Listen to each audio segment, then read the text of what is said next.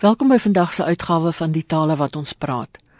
Ek het met professor Marnay Pinaar, hoof van die departement Afrikaans aan die Universiteit van Johannesburg gepraat oor tolke. Marnay is ook betrokke by die Suid-Afrikaanse Vertalers Instituut. Marnay, ons het nou onlangs twee hoë profiel gevalle gehad waar die tolk nie die mas opgekom het nie. Eers met Madiba se gedenkdiens en nou onlangs met die Oscar Pistorius saak. Wat is verkeerd? Weet jy? Ek dink baie bondig te antwoord is dat die mense wat die aanstellings maak, is nie kundig oor wat tolking behels nie. Ek het nou toevallig die afgelope week by Durban by 'n kongres van die Durban Universiteit van Tegnologie 'n lesing gelewer oor presies hierdie saak ek gaan kyk het na die hele reaksie wat gevolg het eerstens op die ehm um, op die Madiba se gedenkdiens en dan ook met Ruska Bosch maandag in die Oscar Pistorius saak. En weet jy as as 'n geakkrediteerde tolk en as iemand wat myself nie al baie lank betrokke is en op betrokke is by die opleiding van tolke slaan ons as tolkgemeenskap ons hande gewoon saam want niks wat daar gebeur het is vir ons eintlik eienaardig nie in die sin dat as ons gaan kyk wat gebeur het met meneer Jantjie byvoorbeeld by Madiba se gedenkdiens daar is so 'n klomp foute gemaak in die sin dat niemand gekontroleer het of die man werklik opgelei is nie. Nou sal ons verwag om vir 4 ure daar te staan. Dit werk nie so in tolking nie. Daar is nooit gekontroleer oor wat sy sterker tale is waarin hy kan werk nie. Want ek glo dat dit goed is van toepassing op wat maandag gebeur het ook in die sin dat niemand voor van die voor die tyd met die met die tolk gepraat het, die tolk voorberei het nie. Die eerste tolk wat daar opgedaag het, het dit drie kykke gegee. Sy was nie in diens van die departement van justisie nie. Net gesê maar sy sien nie kans vir die hoë profiel saak nie. En dis die volgende tolk gaan haal en sy is 'n nie opgeleide tolk nie, sy werk in die kinderhof. Sy werk wel vir die departement van justisie, maar daar is van haar verwag om in haar B-taal in te tolk en nie in haar A-taal nie.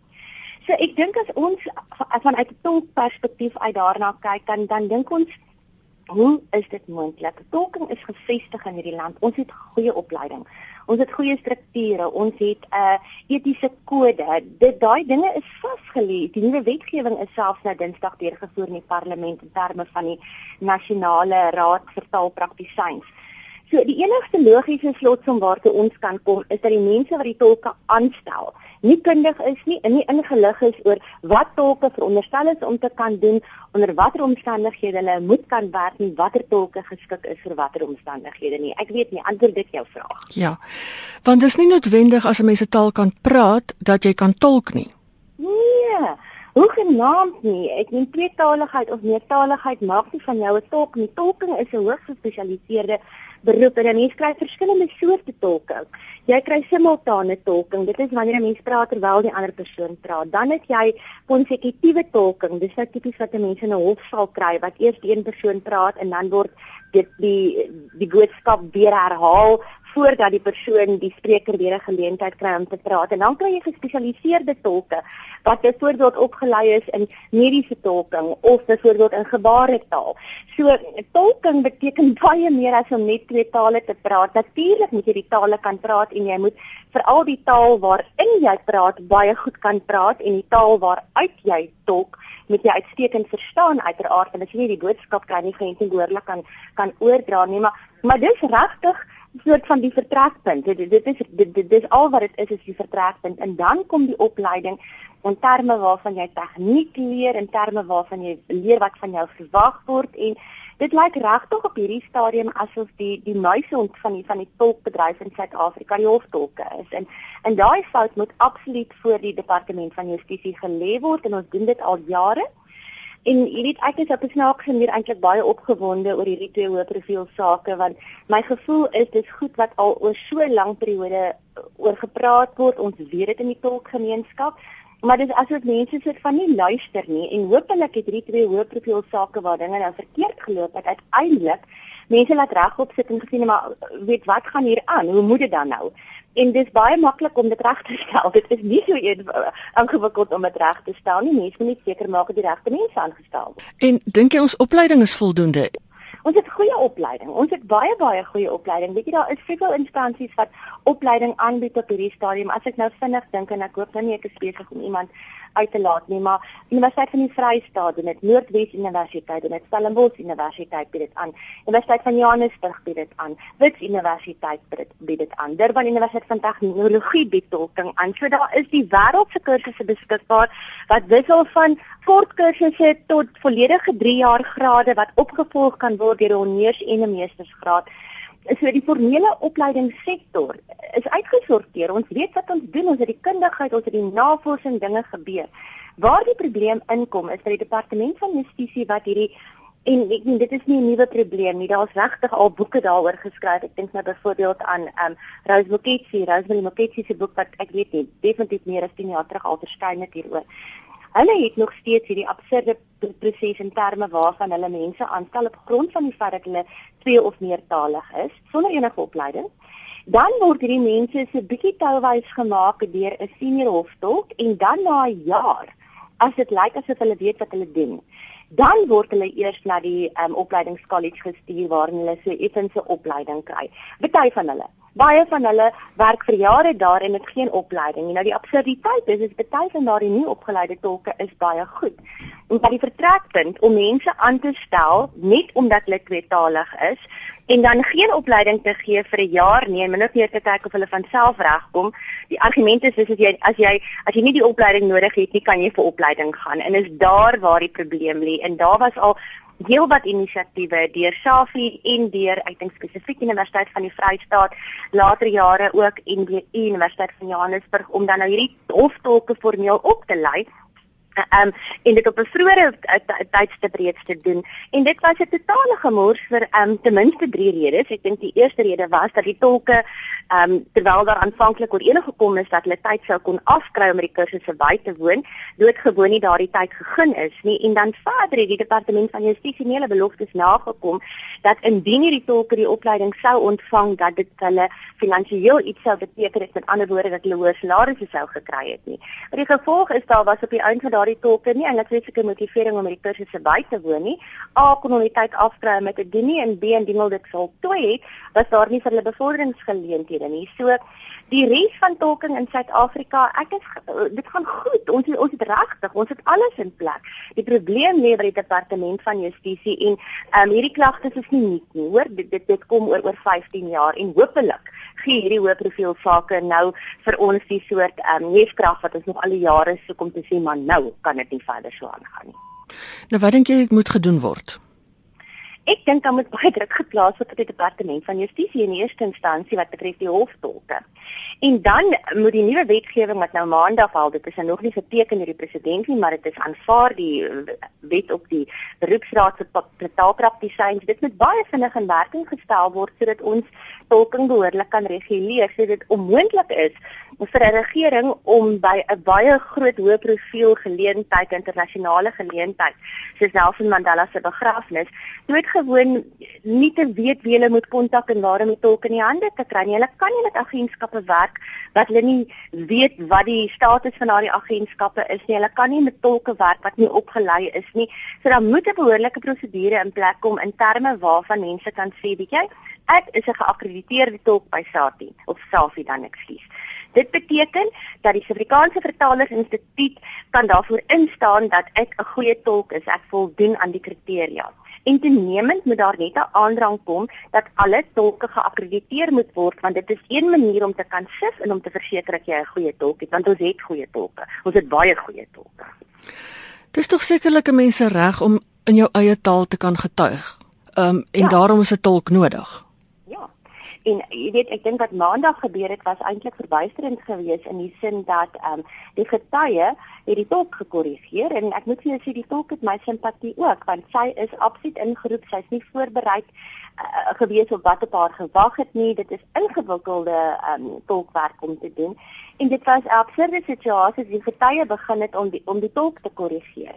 Nou in daardie geval was daar toe 'n nou remedie in die sin dat die getuie inderdaad wel Engels magtig is en daar het nou gewoon net besluit is wel in daai geval word daar afstand gedoen van die tolk en die getuie gaan dan net verder in Engels tolk Wat van gevalle waar dit nie moontlik is nie. Met ander woorde waar 'n persoon se Engels dan nou nie goed genoeg is om self as getuie um in daardie taal getuienis te lewer nie. En dan word die regstelsel regtig skade aangedoen en dan kan 'n mens nie soort van op die ou en sê dat ons almal gelyk is vir die reg nie, nie in terme van die beskuldigdes of in terme van die getuies nie, want jy het die reg om jou eie taal in die hof te kan gebruik. Dit is vasgelê in ons wetgewing.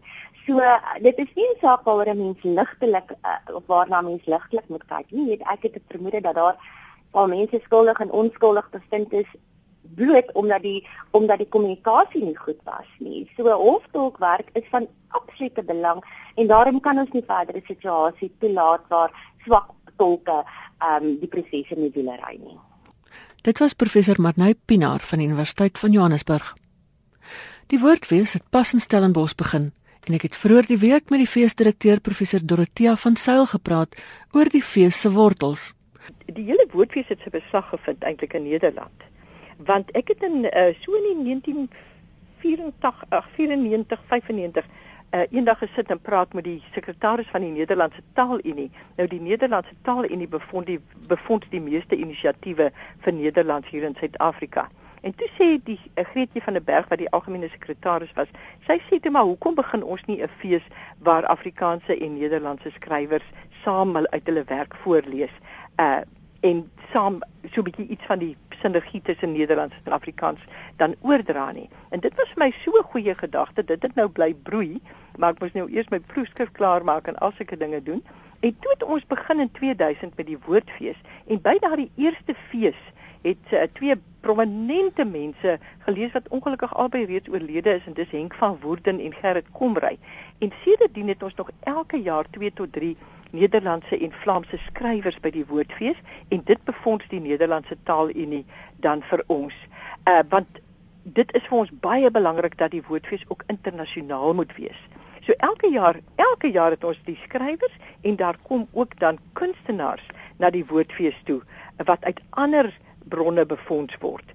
Uh dat sodat die mense ook iets van die Nederlandse kultuur kan uh, meemaak. En ek moet sê iemand so Stef Bos byvoorbeeld, hy hy was aanvanklik was hy 'n Nederlander wat in Vlaandere gebly het, wat in Suid-Afrika opgetree het. Nou woon hy al permanent hier en hy reis na Nederland en as hy optree by die woordfees is altyd uitverkoop. Wat vir my wys dat daar tog mense is wat dit baie aantreklik nog vind. Dat dit tog 'n baie 'n gewilde keuse nog is vir mense om by te woon en dit is vir my so bemoedigend. En da, ons gee graag graag wat teikengroepe wil hê. Ons het destyds se jare gelede het ons een keer so 'n hele samekoms ehm uh, gehad van die publiek en ons mense van die woordfees. En eintlik alwaaroor daar konsensus was daardie hele aand, want die mense het geweldige uiteenlopende idees gehad, maar waaroor daar konsensus was, is dat ons tog asseblief nie die Nederlandse skrywers en die kunstenaars by die woordfees moet afskeep nie, want dit het almal so waardevol gevind. Dit was professor Dorothea van Sail, direkteur van die Woordfees wat tans op Stellenbosch aan die gang is. En nou is dit weer tyd vir die gewilde taalspeletjie saam met Gerard van Huisteen. Ons is terug met ons gewilde diktee waar ek 'n sin lees en jy moet dit skryf of ten minste dink hoe 'n mens dit moet skryf. So jy moet besluit, is dit hoofletters, kleinletters, koppeltekens, los, vas ensovoorts. Ek gaan die paragraafie een keer lees en daarna lees ek dit nog 'n keer stadiger met die klem op woorde of frases waaroor dit eintlik gaan. Charles se twee doberman pinchers het gisteraand een of ander dopa gedrink wat gemaak het dat hulle lekker gedoedoe het. Hulle oë het dof oranje gelyk en ek het dadelik doktersbehandeling aanbeveel. Vanoggend lyk hulle weer dood dollies. Dit gaan dus hier telkens oor die woorde wat met 'n D begin. Ons gaan weer Charles se twee Doberman pinchers het gisteraand een of ander dopa gedrink wat gemaak het dat hulle lekker gedoedoe het. Hulle oë het dof oranje gelyk en ek het dadelik doktersbehandeling aanbeveel. Vanoggend lyk hulle weer dooddollies. Fred Pfeifer gaan ons vanoggend help met hierdie diktee.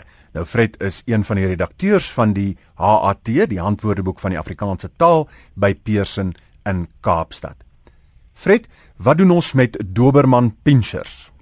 Uh Doberman pinchers uh is 'n samestelling um, en volgens die ABS reël wat uh reël 12.7 sê dit dat as daar 'n betekenisverhouding tussen die dele van 'n samestelling is wat met wat ooreenstem met en of per tot tussen of van iets tot tot iets plaas 'n mens 'n koppelteken tussen die dele.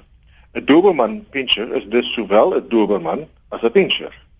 Die Doberman kom van Karl Friedrich Doberman, 'n Duitse hondeteeler wat eers hierdie ras geteel het. Uh die naam word gewoonlik met 'n klein letter geskryf, maar omdat die een van 'n eie naam afgelei is, kan jy ook hoofletter D gebruik as jy wil. Pinscher is 'n Duitse woord wat verband hou met die Engelse pinch, 'n verwysing na die tradisionele gebruik om 'n deel van die arme honde se ore af te knip. Dit word gelukkig vandag nie meer gedoen nie. Dan kom ons by vinnigheid tussen enetjie uh gisterand, mense sê gisterand, maar eintlik is dit gisteraand, nê? Nee. Ja. Ehm um, wanneer ons Afrikaans praat, veral as ons vinnig praat, soos mense maar geneig is om te doen, laat ons gereeld onbeklemtoonde klinke weg. Ons sal byvoorbeeld iemand hoor sê ek kom definitief in plaas van definitief. Self kom ons waarskynlik eens agter dat ons dit doen nie. Ehm um, die klankverskynsel word elisie genoem en dit is 'n natuurlike proses. Maar ons skryf nie altyd soos ons praat nie, hoewel baie waarskynlik die meeste Afrikaanssprekende soms sal praat van gisterand is die korrekte tradisionele Afrikaanse spelling uh gisteraand nie gisterand nie. Dan dupa, 'n lekker leenwoord.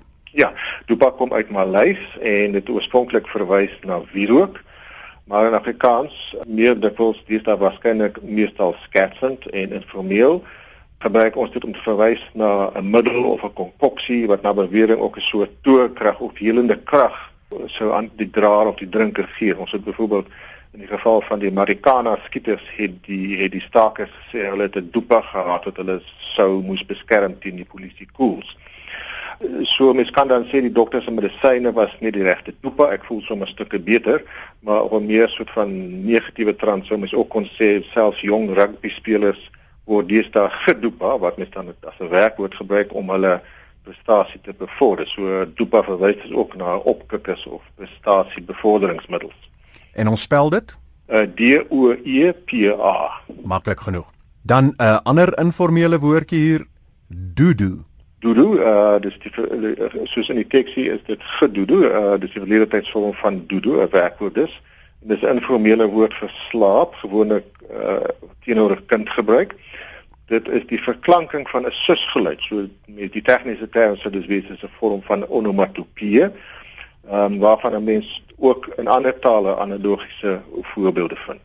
En ons spel dit dan gewoon G E D O E D O E, né? Nee. Ja, ja, so dis en ek sou kon sê dis dan wat dis dis 'n uh, dis oorspronklik Afrikaanse woord. Ek wat is die term wat mens gebruik vir oorspronklike woord? Dis nie 'n leenwoord nie, maar dis dis gewoon 'n eie skepping, 'n nuwe skepping. Ja, ja. Dan was die arme twee honde se oë dof oranje. Dof oranje is ook een woord, reël 14.3 van die sê 'n bevoeglike naamwoord wat saam met 'n bevoeglike naamwoord 'n samestelling vorm, word vasgeskryf. Mense wil dus ook byvoorbeeld liggeel en helder oranje vasskryf. Maar jy kan natuurlik ook skryf dowwe oranje en dan omdat ons nou adjektief verbuig het, is dit twee woorde los. Ehm um, oor die vraag of hier uitspraak verwarring sou voorkom as mens met byvoorbeeld 'n koppelteken gebruik nie. Ek glo nie enige Afrikaanssprekende sal dit ooit wil uitspreek as dop vooranje nie. So daar's daar's geen koppelteken tussen die V en die O nie. Dan dadelik.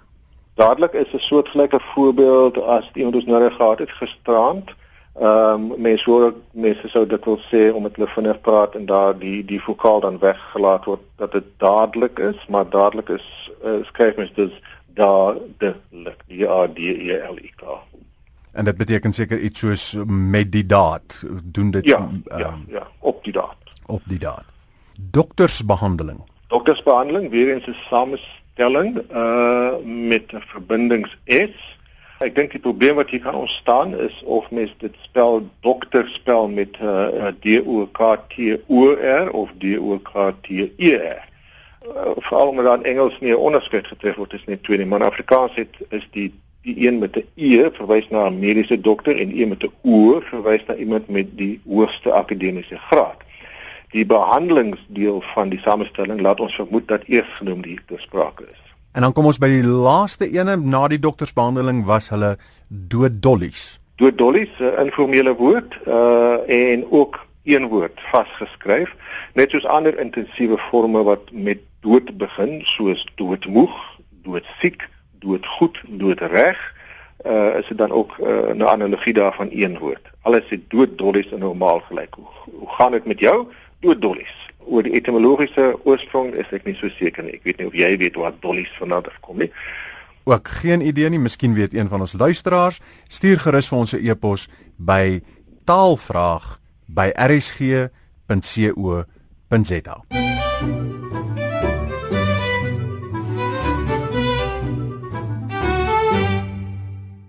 Dit was dan Gerard van Huisteen met die taalspelletjie. Ons is volgende Sondag weer terug met taalsake. Tot dan. Groete van my, Ina Strydom.